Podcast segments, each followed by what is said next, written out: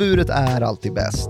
Så vi nöjer oss med att konstatera att när det här avsnittet släpps så kanske vi vet vem som är USAs president de kommande fyra åren. Vad vi ännu inte vet är vem, eller kanske vilka, som i ondo försökt hjärntvätta amerikanska väljare på vägen till valurnorna. Jo, för på den punkten är vi tämligen säkra.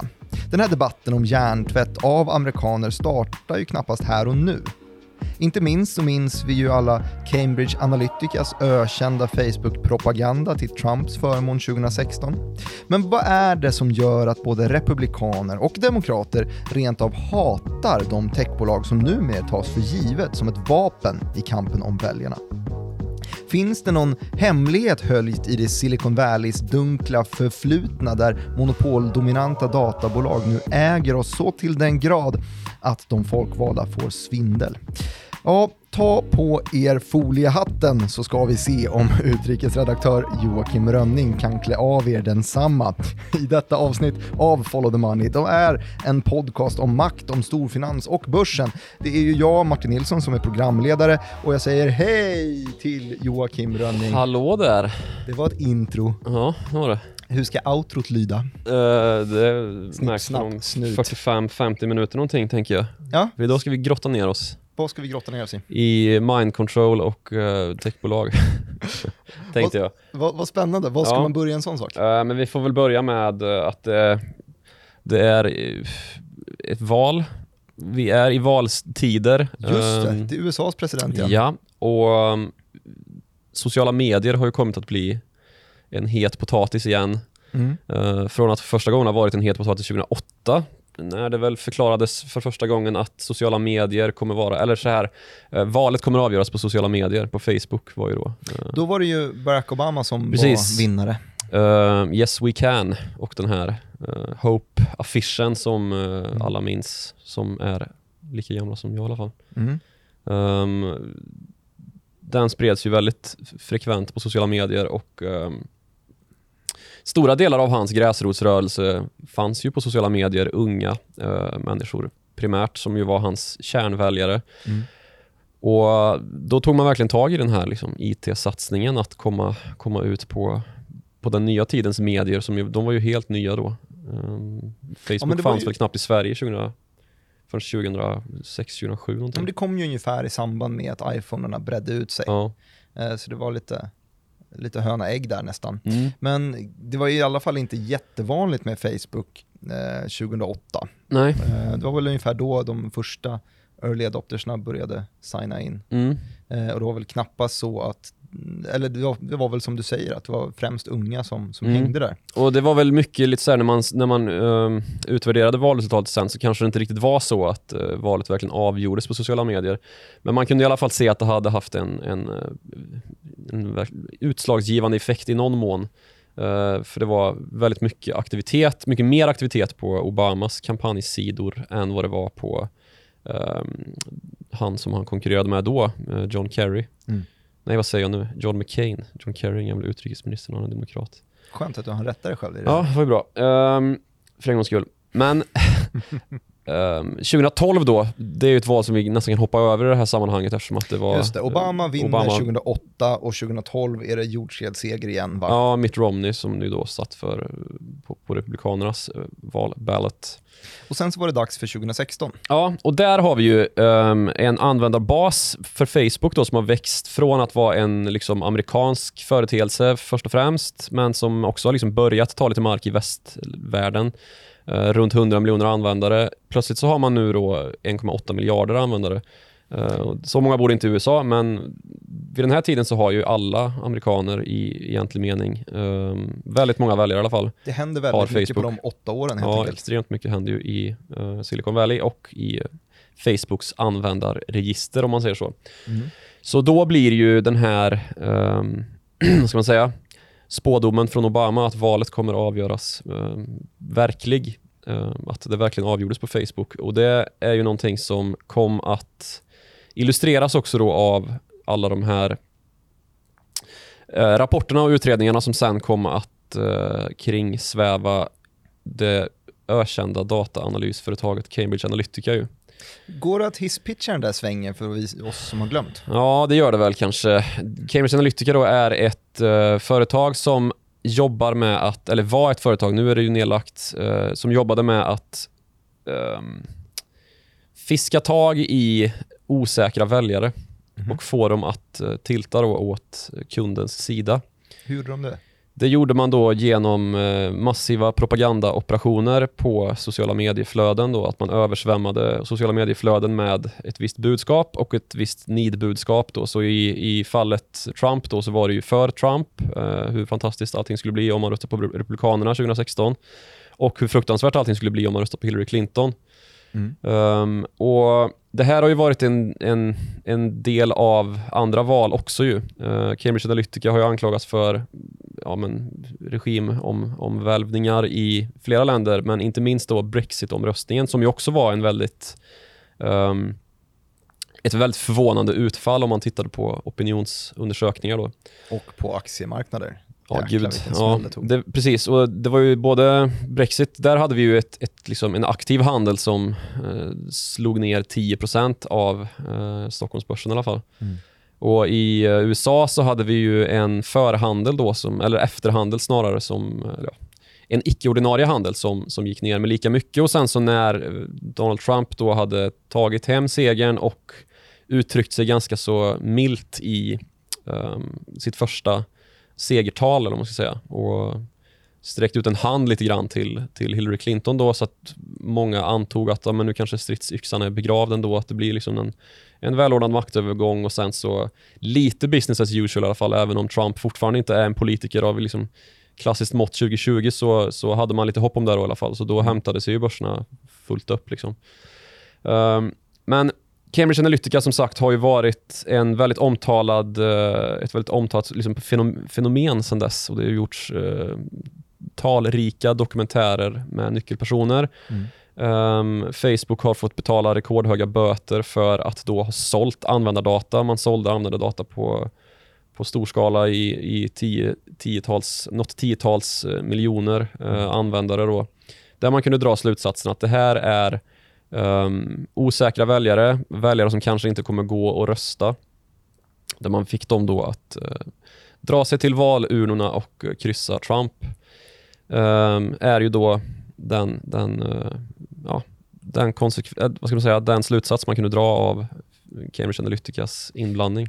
Och nu tänker man ju då att eh, vi sa 2008 så var det typ 100 miljoner användare på Facebook, 2016 var det 1,8 miljarder. Mm. Eh, det är ju inte en trend som har gått åt andra hållet direkt, utan det har väl fortsatt att växa bara. Ja. Och vi snackar ju inte bara Facebook, eh, jag tycker vi kan sprida lite skit på, på alla sociala Mm. medier. Ska, om vi ska ta oss till dagens val då, så, så är ju Cambridge Analytica ett minne blott. De finns ju inte kvar. Det finns ju naturligtvis andra aktörer som är att betrakta som malign, alltså eh, ja, skad, skadliga, ute efter att skada demokratiska eh, institutioner som val ju är hjärtat av. Mhm. Ehm, nu kanske det mer handlar om uh, främmande makt än, än enskilda företag. Ryssarna har snackats om här, Ja, det, det gjorde det ju förra gången också såklart. Uh, förra valet. Kineserna pratas det mycket om, Iran och uh, Nordkorea i viss mån. Mm. Um, men det är lite otydligt nu vem, vem man bettar på. Liksom. Um, ja, lite, lite grann att Kina kanske har förmån av att eh, få in en Biden i Vita huset. Ryssarna kanske hellre vill att Trump sitter kvar. Så det är, det är svårbedömt det där i förhand. Och Sen ska man också säga att Facebook har ju i någon mån gjort hemläxan ganska väl. Um, eller ja, det får, väl, det får väl tiden utvisa kanske, men, men man har i alla fall gjort en hemläxa och stärkt upp de här Ehm, systemen då som, som ju saknades för att fiska upp den här typen av liksom asymmetriskt sociala medieanvändande där trollkonton eh, översvämmar eh, nyhetsflöden, där eh, liksom mediakanaler ehm, ja, konstrueras för att se ut som ett nyhetsmedia och eh, sprider falska nyheter. Man vill inte betala de här rekordhöga böterna igen. Nej, precis. som man kanske inte vill påverka eh, vet val i, i liksom världens viktigaste demokrati. Mm. Um, vilket man, alltså det blev väl lite grann, det slängs ju ofta med den här ursäkten kring Mark Zuckerberg, alltså grundare, ordförande och VD i Facebook, att han var ju bara en liten ung kille som satt på sitt Harvard studentrum och kom på det här häftiga sociala medienätverket. Mm. Um, han är bara några år äldre nu typ. Och visst, det kanske han är, men han är också en av världens liksom, uh, mest uh, inflytelserika företagsledare. Så den, den ursäkten håller ju inte längre. Och, och, det är liksom, Facebook är ju idag ett fyra år mognare bolag än vad man var för fyra år sedan naturligtvis. Stämmer. Med lite lärdomar uh, från, från den här katastrof, alltså renommémässigt katastrofala händelsen. Ju. Och man har ju slagits med den, det taskiga renomméet sedan dess. Mm. Och De här utredningarna har ju varit djupa och långtgående och haft både finansiella och eh, ska man säga, informella eh, effekter på hela bolaget. Och Det har ju också då synts i de här nya eh, kongressförhören som vi ju nyss har avklarat med eh, Facebook och eh, så tänkte jag att vi skulle komma in lite grann på Twitter och deras eh, hållning i det här valet, för det har ju blivit desto mer uppmärksammat egentligen. Medan Facebook då har avhållit sig från att eh, ja, men, dra tillbaka eller liksom varna för felaktiga inlägg från aktiva politiker, då, bland annat, eller allra främst då Donald Trump, Mm. som ju å andra sidan då hos Twitter har rödflaggats på ett ganska tidigt stadium för uttalanden som han har gjort i sitt favorit sociala medie, som ju är Twitter. Uh, han har ju ja, typ 100 miljoner följare och är väl en av dem med allra flest följare på hela Twitter. Mm. Och använder ju det här som sitt politiska, sin politiska megafon ju. Ja, det var ju faktiskt, det var, det är någonting som verkligen har förändrats eh, sedan 2016. Eh, vi som har suttit på nyhetsredaktioner, att man har eh, generellt sett använt, eh, man har liksom skärmar med, med olika nyhetsflöden, där man kollar in på de olika eh, TT är stort och Reuters är stort och det samlas i olika terminaler som man hela tiden har ögonen på för att se, händer det någonting i, i omvärlden?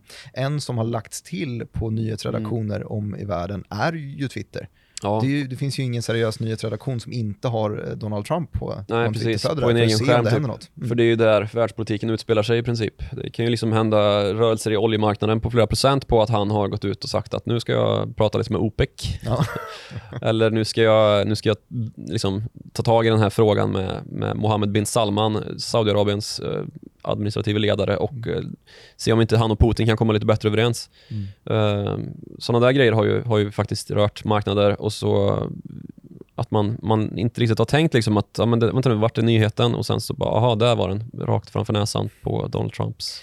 De här kongressförhören i alla fall. Ja, eh, där satt ju då en, eh, en Jack Dorsey som vi ju även tog upp i förra avsnittet, då i fintech-form, men den här gången då som vd och grundare och det. eh, för Twitter då. Men också Square var det i förra avsnittet. Ja, precis. Mm. Ehm, det är hans eh, lilla hobbyprojekt eh, i fintech-branschen, när han köper lite bitcoin och så. Mm. Han satt där, man ska inte kommentera folks utseenden, men han hade ju ett, ett intressant långt skägg, mycket längre än ditt. Ja, faktiskt. Ett Robinson Crusoeskt utseende nästan. Och han såg ut som eh, den gamle ryske eh, mystikern Rasputin. Vilket är intressant. Det var ju det var faktiskt en bättre, bättre koppling. Ja. än- än Men. Rasputin då Ja. som ju eh, i sin tur var ehm, mystiker och eh, vad var han inte i, eh, i vet du, den sista ryske tsaren Nikolaj den andres hov Mm. eh, där han eh, fick styra och ställa eh, över vad som skulle vad för beslut som skulle fattas på ett sätt som ju kom att bli hela tsarväldets eh, slutpunkt kan man Mm. säga. Eh, så det var ju en lustig, eh, lustig eh, Eh, bisats parallell. ja. Pratade han någonting Men just i, i, i nej men alltså det, han är, ta upp en bild på den här, det här kongressförhöret, sök på Jack Dorsey och Rasputin så kommer det säkert upp någon rolig bild för att någon har sett det här tidigare än vad jag har gjort. Ja. Eh, men i alla fall, ehm, Jack Dorsey var väl den som var mest ansatt i det här kongressförhöret som nu var för någon vecka sedan här. För Twitter har som sagt gått fram tuffare än eh, eh, hans kollega, eh, alltså Jack Dorseys kollega Mark Zuckerberg har gjort då. Eh, han har, alltså, Mark Zuckerberg har haft en mycket tydligare hållning till att vi ska inte hämma någon typ av yttrandefrihet. Mm. Allra minst för våra eh, folkvalda politiker, allra minst för leader of the free world, som nu heter Donald Trump. Mm. um, i den här Så någon form av valupptakten. superliberal eh, Ja, det får man ju ändå säga. approach, typ. Och att man då, ja det är väl kanske lite av hemläxan man har gjort då, att man inte ska vara där och peta och påverka och göra så lite som möjligt i sin affärsmodell. ehm, som kan då anklagas för att, hallå, varför ska ni bestämma det här? Det är ju, det är ju yttrandefrihet.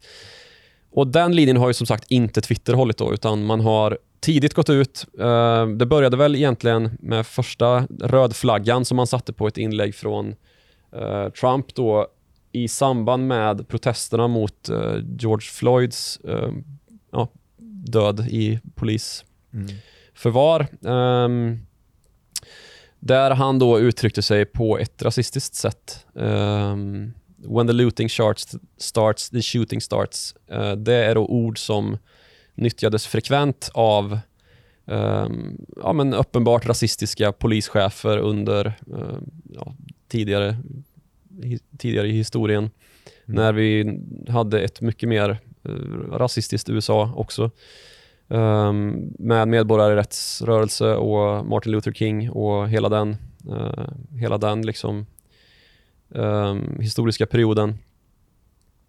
Och Samtidigt då så, så har det ju seglat upp en pandemi som eh, det har varit en hel del desinformation kring. Där man då har kunnat konstatera att men det här som Donald Trump säger går ju stick i stäv med vad vetenskapsmännen på CDC, alltså USAs eh, folkhälsomyndighet, säger, vad forskningen säger. Så att man också då har utsatt varningsflagg för eh, uttalanden som Trump har utfärdat. Då. Så de har istället för Facebook approach med hands-off, säg vad ni vill, det här är yttrandefrihet, Mm. så har istället Twitter tagit på sig rättvisemanteln Mm. och eh, bedömt om Precis. det här är, finns någon sanning i saker och ting Mm. och helt enkelt valt att censurera. Ja, kan man ju Olika- säga. Eller inte censurera helt kanske. Det har väl varit en del, jag, jag mig veterligen så har man inte tagit bort några inlägg, men det gör man ju naturligtvis om det är någon person som man upptäcker har fullständigt liksom sprider dynga på, ja, med desinformation. Så kan man ju ta bort inlägg, men jag tror inte man har tagit bort några Trump-inlägg, utan man har då istället um, infört faktakollslänkar att man kan gå vidare, trycka på den här länken och så kan man klicka sig vidare då till en, en alternat, eller vad ska man säga, alternativ förklaring, en, en faktabaserad förklaring enligt Twitter. Då.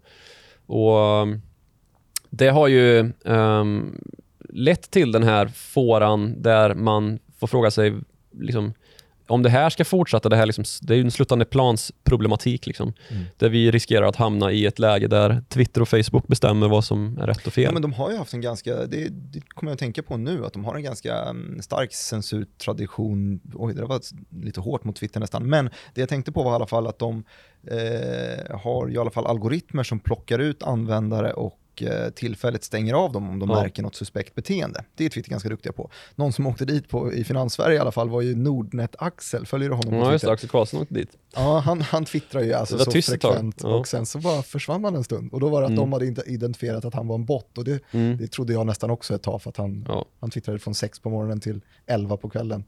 Ungefär en tweet i, i sekunden. aktiv. Andas. Axel. Mm, andas Axel. Ja. Ehm, men ehm, ja, som sagt, det är ju problematiskt och Twitter har ju, det har ju inte gått så bra för Twitter heller på sistone. Ehm, man, det var ju en, en stor flod av techrapporter här i början på veckan Mm. och eh, Twitter fick ju smaka på eh, dåliga resultat och ja, dålig guidning och aktien är ju ner med typ, alltså börsvärdet har ju kraschat med en fjärdedel typ sedan dess. Tufft för dem. Tufft för dem. Ja, så det de har ju ett... eh, ögonen på sig. Ehm, från från uh, republikanskt håll i alla fall. Demokraterna har ju inte liksom, vad ska man säga, drabbats på samma sätt. Nu får man ju vara noggrann med sin uh, lingvistiska hållning här också. vad som är demokrati och vad som är demokrater. vad som är censur och vad som är faktagranskning. Mm. Men i alla fall, Demokraterna har ju inte drabbats på samma sätt och det här har ju naturligtvis fiskats upp av Republikanerna. Och eh, särskilt då Donald Trump som ju har sen tidigare också egentligen fört en liksom, kampanj mot sociala medierna och eh, Kalifornien, alltså demokratnästet, liberalnästet Kalifornien och dess Silicon Valley eh, bolag som ju är FANG, liksom, Facebook, Amazon, Apple, Netflix, Google. Att man då vantolkas och eh, missgynnas gentemot demokraterna. Då. Mm. Ehm, det har han ju verkligen inte varit sen på att påpeka. Och det är ju inte första kongressförhöret heller som, som de här cheferna sitter i. Var det det som kom med sloganen fake news lite grann? Lite så ja. ja liberal media. Mm. Det är ju där vi mm, rör oss nu för tiden. Men eh, det sista eh, riktigt stora, på tal om att ta bort och omöjliggöra, var ju någonting som Twitter faktiskt fick backa på strax innan det här kongressförhöret då när Jack Dorsey såg ut som Rasputin. Mm. Det är ju den här ökända artikeln i New York Post som det har blivit någon typ av um, ja, härdsmälta kring i det amerikanska media, den amerikanska medievärlden. Berätta, vad, vad hände där? Ja, det är ju då en artikel där New York Post uh, skriver att en datorreparatör i uh, uh, Joe Bidens och även Hunter Bidens hemstat Pennsylvania. Vem är Hunter Biden här? Hunter Biden är Joe Bidens son och Joe Biden är demokrat, vad säger jag, kandidaten, vet alla. Mm. Hunter Biden är alltså hans son och hans son har ju också varit väldigt mycket eh, rykten om och Mm. väldigt mycket, alltså Donald Trump blev ju ställd, nästan ställd inför riksrätt på grund av eh, att han försökte dig dirt on the Bidens i Ukraina ju. Där Hunter Biden då har varit eh, styrelseledamot i en, eh, ett energibolag som heter Burismas styrelse. Mhm. Och det som eh, ja, republikanska eh, företrädare då vill få fram, ja, republikanska företrädare främst då i form av eh, Rudy Giuliani som är en eh, nära allierad till, till Trump, en före detta borgmästare för eh, New York, är han känd för. Han är även en deltagare i Borat, Nej, den senaste Borat-filmen eh, där, han ju, där han ju blir uthängd som eh, någon form av barnarövare. Mhm. Nu är det väl lite fråga om hur det var med det där. Om det, var, det, det, är, ju, det är ju en eh, satirfilm om något. Så man får väl ta det med en nypa salt kanske. just det, det var det här med, med faktakoll och sånt där. Precis. Och att ta tillfället i akt som komiker, är ju, det är ju, verkar ju inte Sacha Baron Cohen som är mannen bakom Borat vara så dålig på direkt. Nej. han är ju Det väldigt är rapp. han faktiskt ganska vass på. Ja. Mm. Men den här artikeln då visar ju att en, en datorreparatör i hemstaten, eh, Biden-hemstaten, då har eh, beslagtagits av FBI. ehm, och att det på den här datorn då, som ska tillhöra Hunter Biden, finns eh, komprometterande material då, av Och olika slag. material, det, det finns inte mer definierat exakt vad det är. Ja, alltså det, det är ju att, att eh, Bidens ska ha väldigt klara kopplingar till betalningar från Kina och Okej. just att eh, en massa av de här rysskopplingarna, att de ska snarare vara ukrainska. Ehm, alltså Trump-kopplingarna då, att, att det är en liksom, desinformationskampanj från Ukraina snarare än ett, ett aktivt liksom, samarbete mellan Trump-kampanjen och Ryssland som vi, har- det har vi Material pratat om som är tidigare. rejält skadligt för, Ja, och för sen även- i kampanjen. Sen även barnporr och allt möjligt, liksom darkest of the dark. Mm. och anledningen till att den här storyn hamnade i just New York, Po- New York Post hävdar ju andra etablerade medier är att den har haft en så svag um, ska man säga, källkoppling, alltså att den har inte kunnat beläggas. Eh, så att man har valt att tacka nej till Rudy Giuliani när han har kommit instolpande med de här eh, uppgifterna. Då. Mm. Eh, från FBI's håll så är det väldigt tyst och anledningen till det har väl många hänvisat till valet 2016 när hela valspurten ställdes på ända av att dåvarande FBI-chefen James Comey trädde in i handlingen och sa att han skulle utreda de här, alltså utreda Hillary för ja, brott mot rikets säkerhet i princip. Mm. För att då de här, den här mejlläckan som kom från Trump eh, Trump-hållet eh, bar vatten så att säga och var, eh, utgjorde liksom skäl för att misstänka henne för att vara en, en utländsk agent nästan. Mm.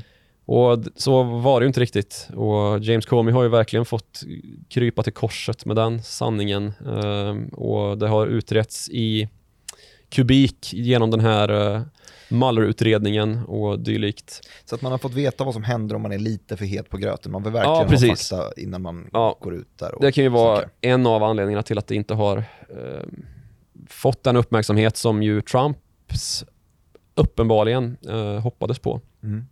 att man skulle driva den här linjen då att, att, um, ja, att Biden har avsatt en, alltså precis som den här, det här riksrättsåtalet mot uh, Donald Trump då, att det byggdes upp på att han hade um, hållit en massa am, alltså amerikanskt militärt bistånd till Ukraina som ju är en fiende till Ryssland. Mm.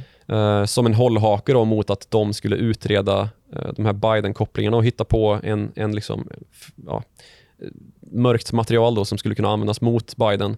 Mm. Vilket ju är en, en väldigt liksom, uh, besvärlig hållning att ta som sittande president, att du utnyttjar dina myndighetsmuskler liksom, på det sättet. får man inte göra i kampanjen. Nej, nej och omvänt då så menar Rudy Giuliani att uh, Biden och, eller Rudy Giuliani, hela republikanska partiet egentligen menar ju att uh, Biden under sin tid som vicepresident ska ha varit i Eh, Ukraina och på motsvarande sätt krävt att de skulle avsätta en riksåklagare som höll på med en utredning då om eh, Burisma, det här eh, ukrainska bolaget där Hunter Biden satt som styrelseledamot. Problemet är bara att den här utredningen gällde en period innan Hunter Biden hamnade som styrelseledamot och anledningen till att den här riksåklagaren faktiskt avsattes sen är en, liksom, en, en slående majoritet i en omröstning i det ukrainska parlamentet. Och eh, Det här var också en hållning som både EU, och Världsbanken och IMF hade till den här eh, åklagaren som då anklagades för att vara korrupt. Och Den motbevisning som Hunter Biden för övrigt då har kommit med är ett, ett uttalande som han och eh, Lev Parnas, en annan uppsatt Trump-lierad, eh, ligger bakom eh, tillkomsten av. Så det är eh, knapphändiga uppgifter som talar till eh, Trumps förmån där. Men det här har ju naturligtvis lyfts fram och eh, om man inte skrapar på ytan så låter det ju som att Biden är fullständigt korrupt och eh, ja, det, det det här spelet, vi, den här liksom, eh, terrängen vi rör oss med eh, i det här valet också, eh, kan ju krasst konstateras. Och uh, den här terrängen, då menar du alltså de sociala medierna som Precis, och det som hände då med Twitter och den här New York Post-artikeln var då att man stoppade länken helt enkelt från att delas, den här New York Post-länken. Mm. Um, och det är ju de facto att censurera ett, ett uh, ja, anrikt mediaföretag är väl kanske att ta i. Alltså, det är inte New York Times? Utan det är... Nej, det är inte New York Times, New York Post. Och New York Post är ju en kvällstidning, eh, mer skvallerrelaterad blaska mm. än, än vad liksom, de stora eh, granskande nyhetsmedierna är. Och som sagt, det var flera av dem som hade tackat nej till den här publiceringen och då är naturligtvis mothugget att nej, men ni är ju liberala, ni går ju liberala ledband så att det är inte så konstigt att ni inte vill publicera. Mm. Eh, men när Twitter då blockerade den här länken så fick man ju till slut uh, krypa till korset, på tal om det, uh, och faktiskt be om ursäkt för att man hade gjort det. Det var en av de grejerna som Jack Dorsey, Rasputin, satt och sa i kongressförhöret. Mm. Men nog om de två bolagen som ju är de riktiga sociala mediebolagen egentligen.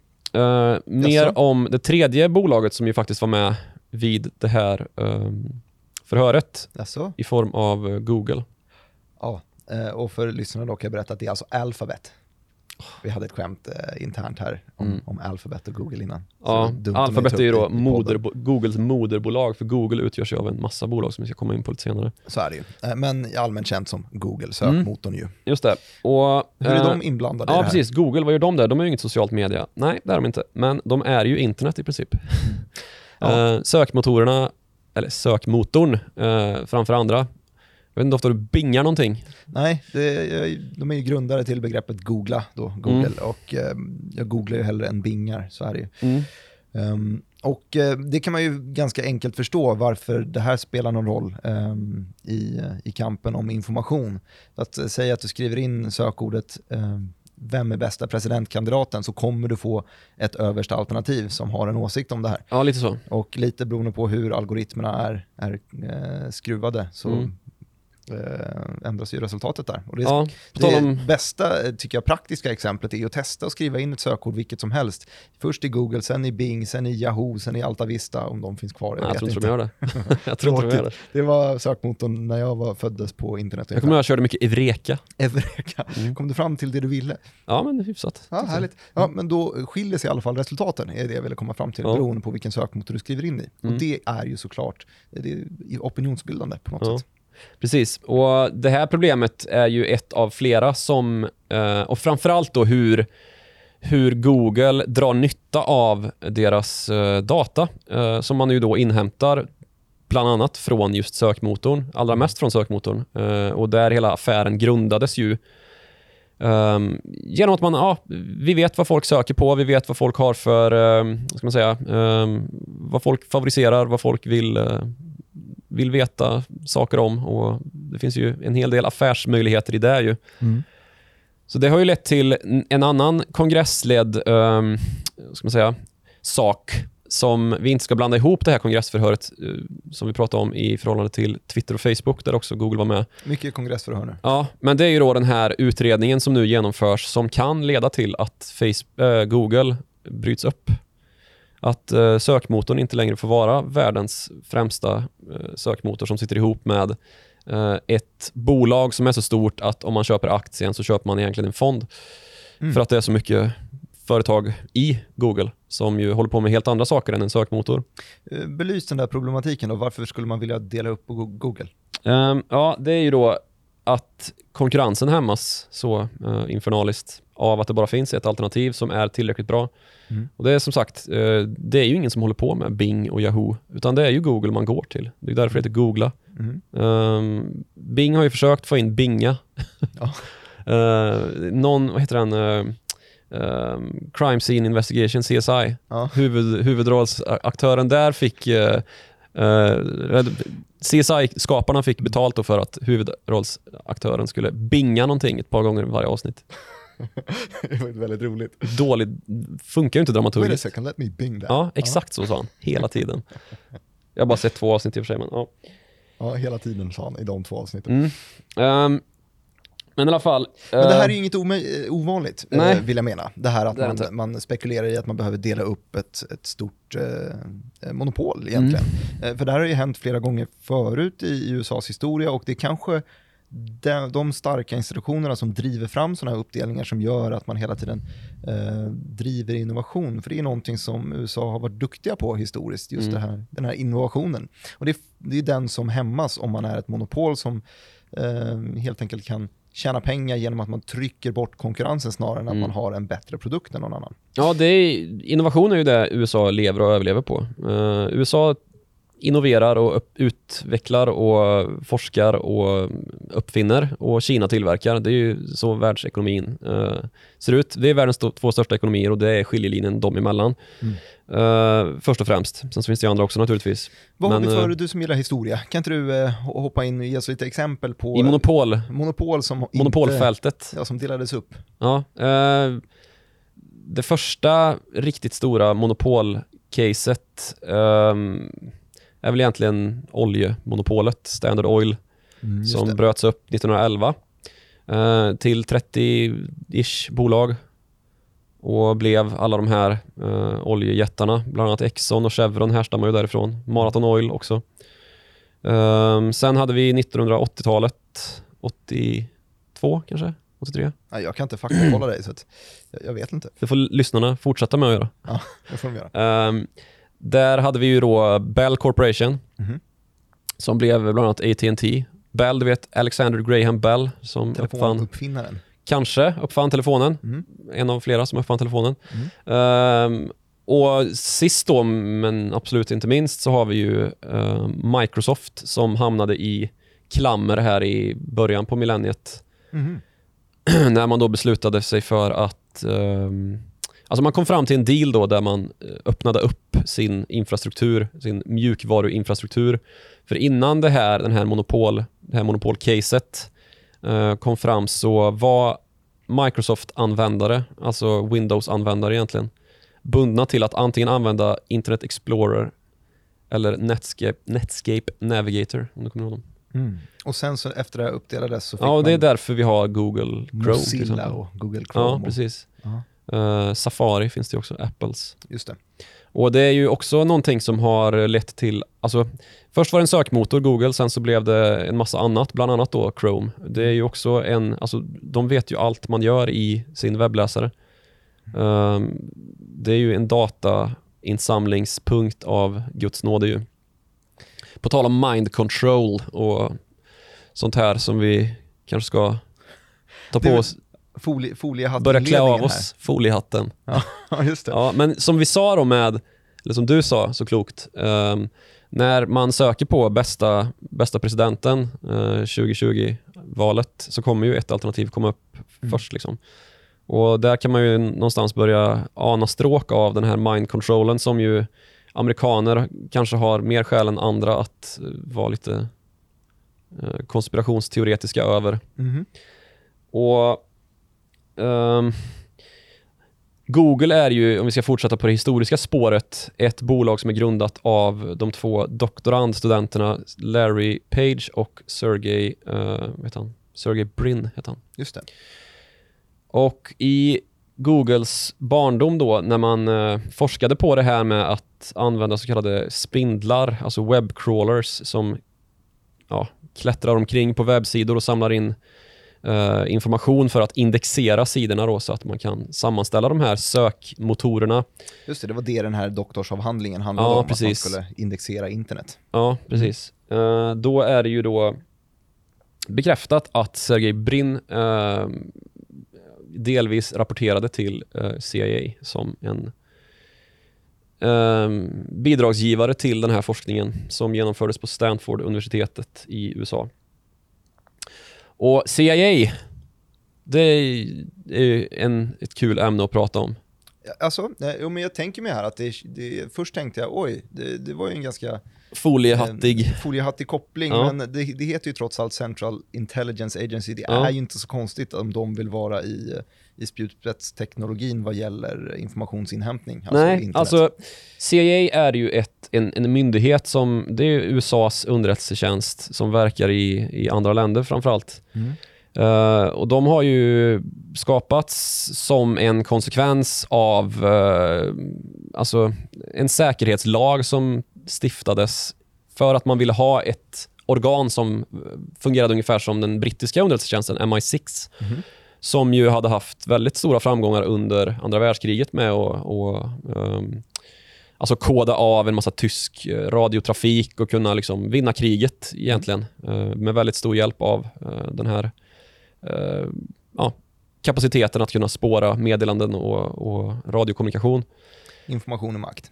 Precis, information är makt, data är makt. Och då skapades då CIA och vad som händer efter andra världskriget vet vi också i form av ett kallt krig då eh, med en massa intressanta, eh, omvälvande, men inte liksom först och främst krigiska eh, handlingar mellan länder. Jag, jag är framförallt imponerad över att du ska berätta bakgrunden till Google som grundades 1998. Då spolar du bak klockan till andra världskriget. ja, men vi kör lite. CIA-historia också tänker jag. Ja. Eh, Ja, och, men andra världskriget eh, tar slut och kalla kriget börjar. Då är det ju makten, maktkampen står ju då mellan USA och Sovjet ju. Mhm. Och Sovjet är inte så oävna på det här med utveckling eh, som kanske kineser har visat sig vara, Kina, inte kineser. Eh, och det, det inträder ju här en, en rymdkapplöpning Mm. eh, där Sovjet länge ser ut att dra längsta stråket. Man är först upp med satellit, man är först med människa i rymden, Yuri Gagarin och ehm, satelliten, vad heter den? Sputnik. Så heter det nog. Och sen Ja. så kommer väl en Laika där någonstans också. Ja, en hund ja, just Mm. det. Rymdhunden. Stackars Laika, Mm. dog i rymden. Verkligen. Ehm, sen så har vi också då i, eh, på amerikansk mark så är ju den stora skräcken kommunistskräcken ju. Man börjar jaga kommunister hej vilt. Och en rätt betydande anledning till att man gör det och på det sättet man gör det är ju att man går på Hollywood. Det är inte bara så här att man, att man jagar efter ehm, alltså Bill Browders gamla, gamla anfader. Eh, hans farfar var ju den, först, eller den största kommunistpartiledaren i, i eh, USA. Det kan man lyssna mer av i vår Våra, som, våra sommar.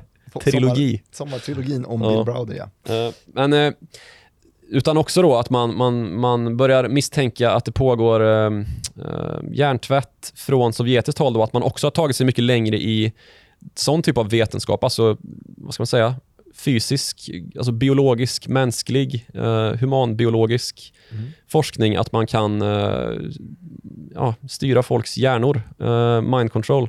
Okej. Och att då det här görs genom kändisar i Hollywood som ju sitter som väldigt centrala figurer i det eh, propagandanätverk som ju faktiskt är Hollywood, som man förde ut amerikansk kultur med över hela världen. Eh, Det här känns ju som det foliehattigaste vi har tagit upp i podden någonsin. Fast det är inte. Nej. Det här är liksom USAs form av eh, kulturell krigföring har ju varit Hollywood som ett verktyg. Liksom. Det är inte så att eh, CIA nö- nödvändigtvis har suttit och dikterat villkoren för hur Hollywood ska se ut i andra länder. Men det har blivit liksom, praktiken för att föra ut den amerikanska kulturen. Ju. Mm. Det är ju därför vi känner oss så hemtama med att sitta och titta på eh, Hollywoodfilmer. Det är därför vi pratar så himla bra engelska och eh, dylikt. Lyssna på amerikansk musik. Liksom. Just det, och du har en schysst, schysst amerikanare hemma också, hemma i Värmland. Eh, nej, det har jag inte. Nej. Vad vill du säga med det? Nej, Ingenting, jag ville bara vara syrlig. Ja. Eh, ursäkt. Ja, precis. Och um, här någonstans så börjar ju också CIA kunna konstateras eh, med en del alltså konspirationsteoretikernas favoritkonspiration som ju faktiskt visade sig stämma. Mhm. Eh, det så kallade MK Ultra-projektet. Som är, Ja, det är då när CIA eh, bestämmer sig för att man ska komma ikapp Sovjet då, som eventuellt kan styra folks sinnen, alltså mind control. Mhm. Eh, man har kommit så långt i sin hjärntvättskapacitet att man eh, kan bestämma vad eh, Hollywood ska propagera. Mm. Och man genomför de här McCarthy-utredningarna mot kommun- påstådda kommunister i, i eh, Hollywood. Och Det här MK Ultra-programmet då, det genomförs eh, på amerikanska och kanadensiska mentalsjukhus där man då på fullständigt vanartiga sätt ehm, med hjälp av LSD och elektrokonvulsiv terapi, alltså elektrochocker mot huvudet, ehm, försöker få folk att eh, ja, tycka saker. Mm. Eh, man försöker då hjärntvätta folk både med eh, läkemedel, eller ja, läkemedel, med droger Mm. Och med eh, rent fysisk påverkan. Då. Det är ju inte bara elektrochocker utan också sån sensmotorisk deprivation. Alltså man, man liksom, eh, sätter folk i stressställningar. Man, eh, ja, det, det är tortyr egentligen. Mm. Och Med hjälp av den här tortyren då så lyckas man ju eh, inte få liksom, mind control över folk, men däremot så lyckas man ju liksom förstöra människoliv i ganska omfattande skala. Mm. Ehm, och Det här är ju någonting som CIA har tvingats att erkänna stora delar av att man faktiskt gjorde det här. Mm. Och De här programmen då som togs fram för att eh, forska på mm, människor för att eh, övertyga dem om saker och ting. Det är ju saker som också har kommit igen eh, allra senast under, eller ja, i efterspelet till eh, World Trade Center-attackerna. Ju. När man då upprättade en massa black cells, eh, CIA um, ehm, upprättade en massa black cells där man då under tortyrlika former förhörde misstänkta och fick dem att erkänna saker som de eh, inte hade en aning om. Uh, Guantanamo är ju ett väldigt kritiserat uh, fångkomplex i, um, i den amerikanska... Ja, det, det är ju i en, i en icke-rättsstat som man har utfört ehm, det här. Och när Obama kom till makten 2008, 2009 satt han ju först i Vita huset. Det är ju den här maktöverföringsfasen. Eh, då var ju hans liksom, utsaga om det här att eh, man faktiskt hade torterat. Eh, we tortured Just some ju folks. ett av hans stora grejer, att han skulle gå till botten med det. Precis, och han lyckades väl inte riktigt stänga Guantanamo men eh, han avslutade det här programmet med Black Cells i alla fall. Att man då hade eh, ja, men blinda zoner i, på, i allierade länder runt jorden där man då, dit man förde misstänkta terrorister och torterade dem och eh, förhörde dem, fick dem att erkänna saker som de inte hade gjort och ehm, ja, men plocka upp uppgifter som inte stämde då, som ju försvårade snarare än förbättrade underrättelsearbetet hos CIA. Mm. Hur ska vi leda det här till eh, jag- Google undrar du? Ja, Mm. Det är ju då för att fråga. vi har pratat tidigare om att vapenteknik är ofta där ny teknik oftast hamnar först. Absolut. Um, det gör ju då att det finns ett väldigt intresse från CIA att faktiskt um, driva på den här utvecklingsförmågan Mm. som ju i amerikanskt um, avseende är uh, bestående i forskning som ofta görs uh, i universitet eller privata um, bolag. Mm. Inte minst i Silicon Valley. Och där man har ehm, eller hur man, hur man då har gått tillväga för att driva på den här forskningen är ehm, myndigheten DARPA som står för Defense, um, ska säga, Defense Advanced Research Project eh, Agency. Där har vi det. Och, och, oavsett akronym, så vad gör de? De ehm, verkar egentligen för att sprida en budget på olika tekniska projekt. Just det, Eh, de ska och det är då, identifiera eh, projekt som eh, skulle kunna hjälpa eh, USA i, eller Ja, CIA i, eh, i underrättelsetjänstarbetet och i spjutspetsteknologin och investera pengarna och se till att eh, man kan få ta en del av den här tekniken. Ja, precis. Och det här är eh, ofta ganska så teoretisk forskning. Alltså, det är, man försöker uppfinna grejer som inte finns. Mm. Och där man ofta, eh, alltså de här, de här upphandlingarna, vad man ska säga, man sätter ju nästan ut som prispotter där eh, bolag och forskningsinstitut och universitet och liksom stu- doktorsstudenter kan anmäla sitt intresse eller tävla om de här kontrakten då, som det ju i praktiken blir. Mm. Ehm, det är ju väldigt, liksom, väldigt liksom science fiction-aktigt. Ehm, man försöker hitta på ett sätt att just kunna styra en dator med hjälp av tankar. Det handlar om eh, eh, chip som man ska kunna plantera in i, i kroppar, alltså mänskliga kroppar. Och så naturligtvis väldigt mycket robotutveckling eh, och dylikt. Men det handlar också om att indexera internet. Precis. Och där har vi kopplingen Där till har vi kopplingen till Google. Sergey Brin och Larry Ja, Page. exakt. Eh, och Det finns då en fond, eh, en av de här fonderna som heter InQtel, Mhm. som var tidiga in i Google då och samverkade med dem.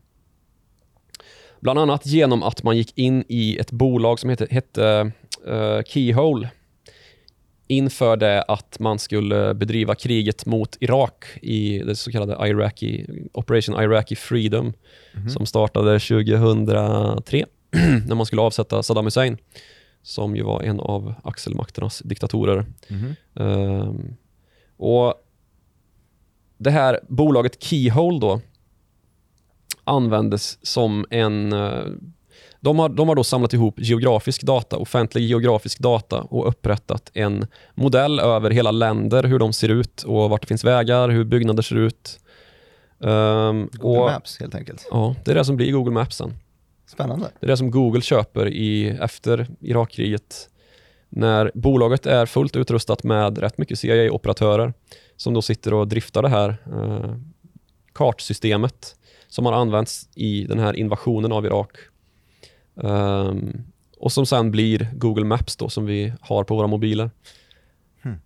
Och Det är inte det enda bolaget som, som man har haft eh, gemensamma intressen i. Det finns en, en lång rad. Och Det finns det naturligtvis även till bolag som har hamnat hos Apple och som har hamnat hos Amazon och som har, jag vet inte hur det ser ut med Facebook, men det finns i alla fall bolag där man har eh, gemensamma intressen, alltså direkta ägarkopplingar mellan InQtel som ju är CIA-ägt och de här Silicon Valley-bolagen. Sen så har vi också en väldigt intressant konferens som heter eh, The Highlands Forum som äger rum varje år.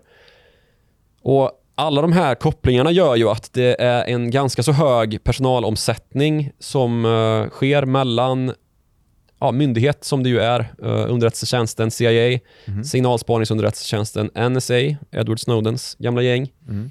och eh, techbolagen i Silicon Valley, inte minst Google då, som kanske är allra närmast eh, kopplat till CIA.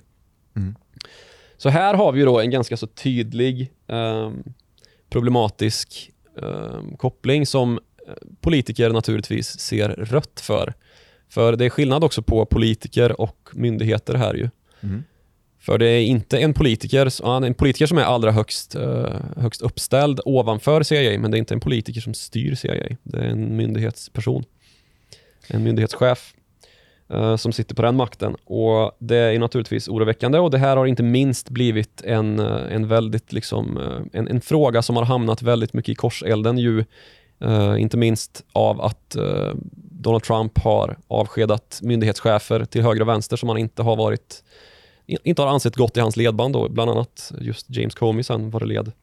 Och, och ligger det här då också till grund bakom den här um, utredningen som man gör just nu då om att dela upp Google? Att det kanske får lite tydligare beståndsdelar i vad som är vad? För just nu är enheten Google så pass stor att den den täcker ju in det mesta. Mm. Ja, det är inte bara det. Uh, det är ju naturligtvis också att, uh, alltså först och främst så är det ju att, att alltså, uh, konkurrensen är så hämmad, så kvävd av att Google har en sån gigantisk marknadsposition. Mm. Men det kommer alltid ner till användardatan och hur man använder sig av användardatan. Och den enorma tillgång, alltså vi ägs ju av Google idag. Mm. Vi ägs ju av, alltså inte lika mycket i, i, Sverige än så länge eftersom att lanseringen av Amazon blev ett stort Nigeria-brev i princip, i alla fall språkmässigt. Ja, så det, det kändes ju som riktigt... en hemsida som var 20 år gammal Ja, också, det kändes inte supermodernt och supertrovärdigt. Nej. Men om man åker till USA så är det ju där folk e-handlar. Uh, och Nu har vi också kommit ganska långt in i uh, den här lanseringen av smarta hem, som, alltså smarta hemprodukter. Och Den här utrullningen kommer ju bli ännu större under 5G-eran som vi också närmar oss. Så det är ju hög tid för uh, myndigheterna att ta tag i det här, eller myndigheterna, politikerna att ta tag i det här. Um, för att inte då riskera dels trovärdigheten för myndigheter om det skulle visa sig att det finns såna här hemliga projekt som ju MK Ultra var. Mm.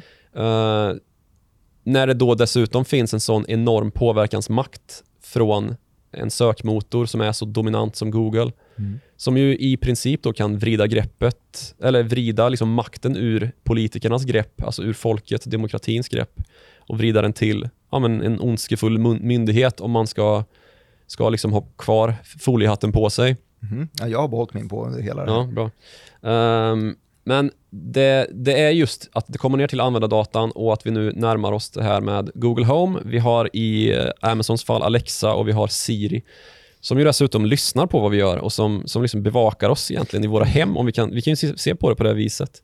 Och i, jag har ju pluggat i USA och är över ibland och träffar kompisar. Jag tror inte jag känner någon som inte har en Alexa eller en Google Home som styr fläkten och som sätter på kaffet och gör allt. Liksom. Det är otroligt smidigt. Det är bara att det inte riktigt, vi har för litet språk så det funkar inte så bra på svenska. Nej, lite så.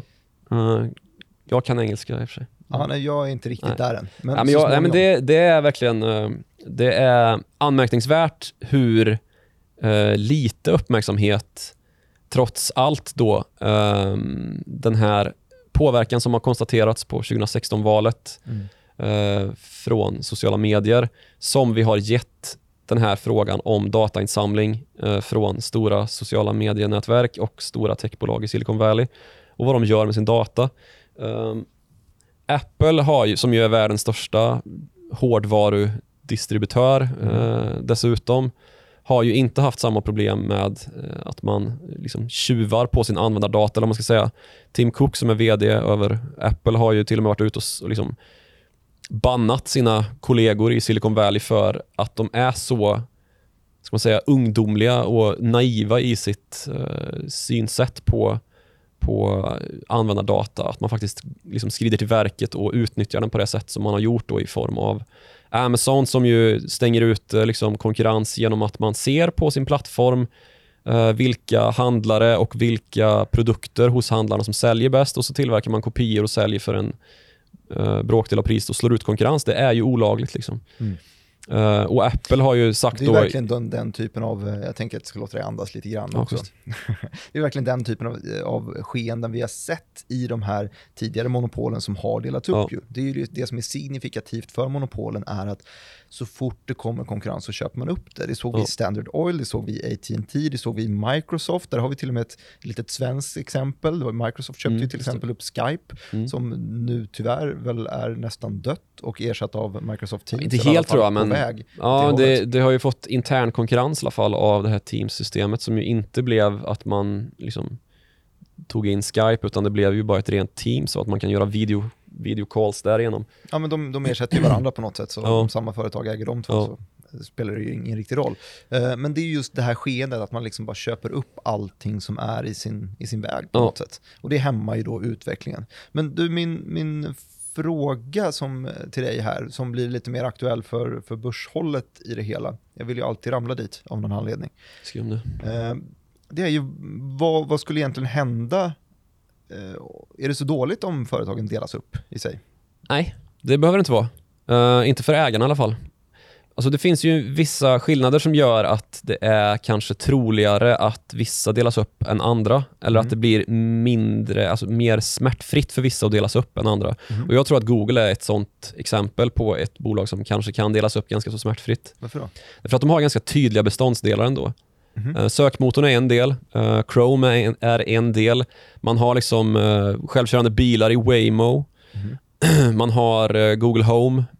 Um, Du menar att man skulle kunna dela upp dem och låta dem vara olika ja, företag? vara separata bolag. Ja. Men då tappar de väl synergierna mellan företagen sinsemellan? ja, så kan det ju vara. Men man, man, man har inte, alltså det största anledningen till att jag tror att det här, alltså utöver att det är ett väldigt liksom, det är lätt att göra skillnad inuti bolaget, så har man inte heller samma ägarbild som man har i Facebook och eh, Amazon framförallt. Där man har just riktigt starka Ja, alltså där det är en grundare som sitter på tredubbla stolar liksom. Ordförande, vd och huvudägare. Ja, ja fyrdub- kvadrupla eh, som grundare också då dessutom så att man har det som sitt skötebarn liksom. Eh, en emotionell koppling som kanske inte eh, Googles VD eh, Sundar Pichai, Pichai har och eh, samma med, eh, med Apple då som ju Tim Cook har tagit över Mm. eh, efter Steve Jobs död. Där tror jag inte det blir lika liksom, blodigt. Eh, att man kommer, man, jag tror inte man kommer gå lika långt i... Det är ingen som vill, alltså utåt sett så är det ingen som vill dela upp sig. Men man har ändå kunnat se liksom att eh, bolagen mer och mer särredovisar sina olika liksom, delar av kon- de konglomeraten som det ju är. Det. Jag täckte Googles rapport ehm, här tidigare i veckan. Och Då la jag märke till att det, man för första gången särredovisar Google Cloud som en egen enhet, alltså IT-molntjänsterna, datacenterverksamheten. Lägligt. Ja, verkligen lägligt. och I Amazons fall då så har man ju särredovisat ett bra tag och det är väl just för att verksamheterna är så pass skilda åt. Just I- det, är det Amazon Web Services Ja, precis. Där har man ju e-handel och så har man Amazon Web Services och sen så har man en massa andra. Man har ju, alla de här bolagen har ju av någon anledning intresseandelar i fordonsbranschen Mm. eh, med autonoma körsätt och mjukvarudelen Där av... har vi ju faktiskt en annan, nu blir det lite en annan grej, det är inte en monopoluppdelning men det är i alla fall ett bevis på att, att avknoppningar ibland är ganska lönsamt eller företag självmant vill göra dem. Och när du sa eh, autonoma eh, Fordon, bilar, ja. fordon, så att kommer jag att tänka på Autoliv som knoppade Mm, av det. Veoneer Mm. till exempel. Det var ju ingenting som de var tvingade att göra men det var någonting som de, de ville för att verksamheterna Mm. skulle må bättre i, på sina enskilda Precis. håll. Eh, vi kan väl komma tillbaka dit ganska snart, men om man ska titta i historien då så blev i alla fall Standard Oil då uppdelningen när man sprängde Standard Oil till över 30 olika bolag. Mm. Väldigt lönsamt för de som gick in med lika stora potter i varje av de här, varje aktie då som blev eh, som kom till då efter Standard Oil. De blev lite mer, mindre, snabbare, flexibla. Precis, snabbare, flexiblare, det blev mer fokus på det man skulle göra. Eh, ta Amazon nu till exempel, så, så bär ju Amazon Web Services, som har enorma marginaler, uh, merparten av lönsamheten i, i, den, i det bolaget. ju. Och om man frågar Amazon Web Services folk så är ju inte de superglada över att behöva kasta över pengarna till investeringar i e-handelsplattform. Liksom. Eller i Nigeria-brevsutrullningar i Sverige för den delen. Um, det kommer man ju undan då och kan fokusera på sin produkt och göra sin produkt bättre och där har vi ju liksom hela kärnan av problemet att konkurrensen är då inte längre stävjad. Och det framförallt gör ju då myndigheterna glada. investerardelen så det gynnar i alla fall oss. Ja, precis. Att kunna välja Ja. att investera i Amazon Web Services eller Amazon e-handel om Ja. det nu sker en sån uppdelning. Precis. Och framför allt så, eh, den som är gladast av allt det här, om det skulle ske en uppdelning, eh, framförallt om det skulle ske en uppdelning i, i Apple, är ju Spotify. Den här debatten har vi ju snackat om eh, Mm, flera gånger tidigare, hur eh, Apple äger själva App Store-delen Mm. och eh, har monopol på det. Eh, och det är ju därigenom man laddar ner Spotifys app. Och sen så har ju då de haft den här eh, Intäktsdelningsfunktionen nu att, att Spotify får betala 30% av alla intäkter man har till ja, in-app-intäkter till Apple och raka ner, raka Som vägen ner. i rent praktiskt så blir det ju så istället nu att så fort man klickar på köp i sin app i, eh, som man har laddat ner via App Store så hoppar man ur appen, landar i en Safari-webbläsare istället, också Mm. ägs av, av Apple kanske. Eh, och ehm, kommer på en extern hemsida för det är där man faktiskt fyller i sina kontaktuppgifter nu, eller eh, kortuppgifter och så Mm. vidare för att köpa Spotify. Men det är slipper väldigt, de eh, 30%. väldigt högoktanig och aktuell konflikt det där ju och den har ju nått hela vägen upp i domstol nu och det väntar väl någon typ av liksom avgörande i slutändan på den där. Det är ju flera andra bolag också nu, man har ju organiserat sig till och med i, i en liksom, ska man säga, lobbyorganisation eh, med ett stort antal bolag, bland annat Epic Games också ju som har um, De gjorde ju den här eh, riktigt episka reklamen, det har vi pratat om förut också, episka reklamen där de härmar gamla Apple-reklamen från 1980. Ja, satan vad snygg den är.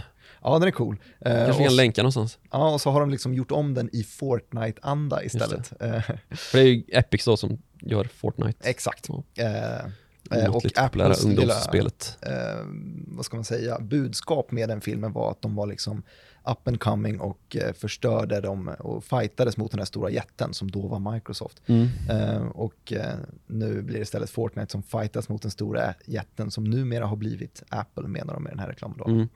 Spännande tycker jag. Verkligen. Ehm, det... Nu Nu har vi pratat så länge. slut på luft. Ja, men jag med. Orden är slut, Joakim Rönning. Vi har gått så här om vi kan säga. Eh, det här blir ju kanske det mest, jag säger det ungefär varje avsnitt, Ja. att det här blir det svåraste, svår, mest svårsammanfattade avsnittet någonsin. Men vi började faktiskt i närhistorien 2008, när eh, valet innan Barack Obama tog eh, platsen på eh, i Vita huset. Ehm, och sen 2012 gick vi igenom det valet eh, som vi ägnade en sekund åt ungefär för det var ganska odramatiskt. Men sen kom vi fram till 2016 som var det första valet där sociala medier spelade en extremt stor roll för då hade ju Facebooks användarbas växt från 100 miljoner 2008 till 1,8 miljarder eh, 2016 Alla amerikaner fanns där. alla amerikaner fanns där och det var lätt att targeta dem och det syntes sen i Cambridge Analytica-skandalen där eh, Eh, Facebook till exempel fick betala stora bötesbelopp. Och nu står man ju nu inför ett val som när det här avsnittet släpps, som vi har nämnt, kanske vi har en, eh, en färdig president, vi vet vem som ska sitta de nästa fyra åren. Men debatten kommer ju komma upp då igen. Eh, har folk blivit påverkade och i vilka kanaler? Och då har vi gått igenom de olika kanaler och utmaningarna de står inför, inför egentligen. De som har växt så pass mycket. Vi snackade Facebook, Twitter, Google, Apple, Amazon. Eh, fangbolagen egentligen. Mm. Eh, Microsoft nämnde vi, men tillåts inte riktigt vara med i fangbolagen för de har lite annan natur och har redan gjort en Och uppdelning. Bill Gates är en sån good guy. Han är en sån good guy så han slipper. Mm. Eh, men, och så identifierar vi då att ja, den som kanske är mest sannolikt att delas upp eh, här. Och som har kommit längst i den myndighetsutredningen, eller längst i, i den processen, eh, är Ah. Google. är just Google. Och hur det påverkar marknaden? Ja, eh, det blir väl tydligare konkurrenser eh, sinsemellan, eh, olika företag. Det blir utveckling vad det lider. Kanske mer innovation så småningom. Mm. Det vore väl spännande Så går vi in i ett 5G-race med smarta hem och Ja, fett konspirationsflöda. att bara äga teorier som kommer- i så fall. Mm. Vore mäktigt. Eh, Joakim Rönning, eh, det har varit ett nöje. Har du fått av dig din foliehatt? Jag tar av den nu. Eh, och för foliehatt behöver man inte ha på sig eh, när vi sprider information om eh, våra kontaktuppgifter. Man når oss ju till exempel på eh, followthemoney direkt.se är vår e-mailadress Mm. som går till oss båda. Eh, Vi har Och också har man Twitter så kan man ju kontakta programledare Martin Nilsson på snabla direktmartin. eller utrikesredaktör Joakim Rönning på snabel Joakim Ronning. Gud vilket tajt slut det blev. Ja, tack så mycket. Hörni, ha det så otroligt bra. Skicka en kommentar på YouTube-klippet, skriv en recension på iTunes eller ert favorit tech-konglomerats app. Eh, så ses vi igen om en vecka. Ha det så fint.